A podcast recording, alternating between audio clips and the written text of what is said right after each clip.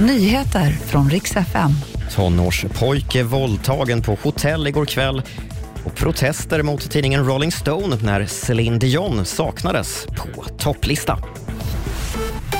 God morgon. Vi ska börja i Köping där en man i 40-årsåldern har gripits misstänkt för våldtäkt på en minderårig pojke. Våldtäkten ska ha ägt rum på ett hotellrum igår kväll och enligt polisen verkar det vara så att de båda stämt träff på hotellet, rapporterar SVT. Pojken har förts till sjukhus för undersökning.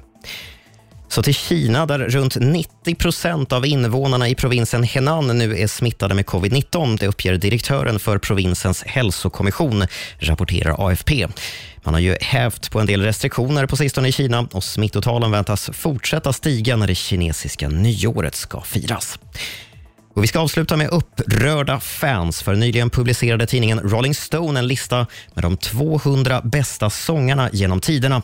Whitney Houston, Beyoncé, Adele och Aretha Franklin fanns med bland namnen, men inte Celine Dion. Och det här har väckt ilska bland hennes fans runt om i världen.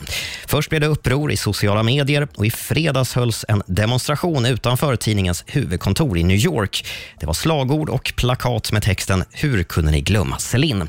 Tidningen har förklarat det hela med att listan var en lista med tidernas bästa sångare och inte de bästa vokalisterna. Och Det var de senaste nyheterna med Robin Kalmegård.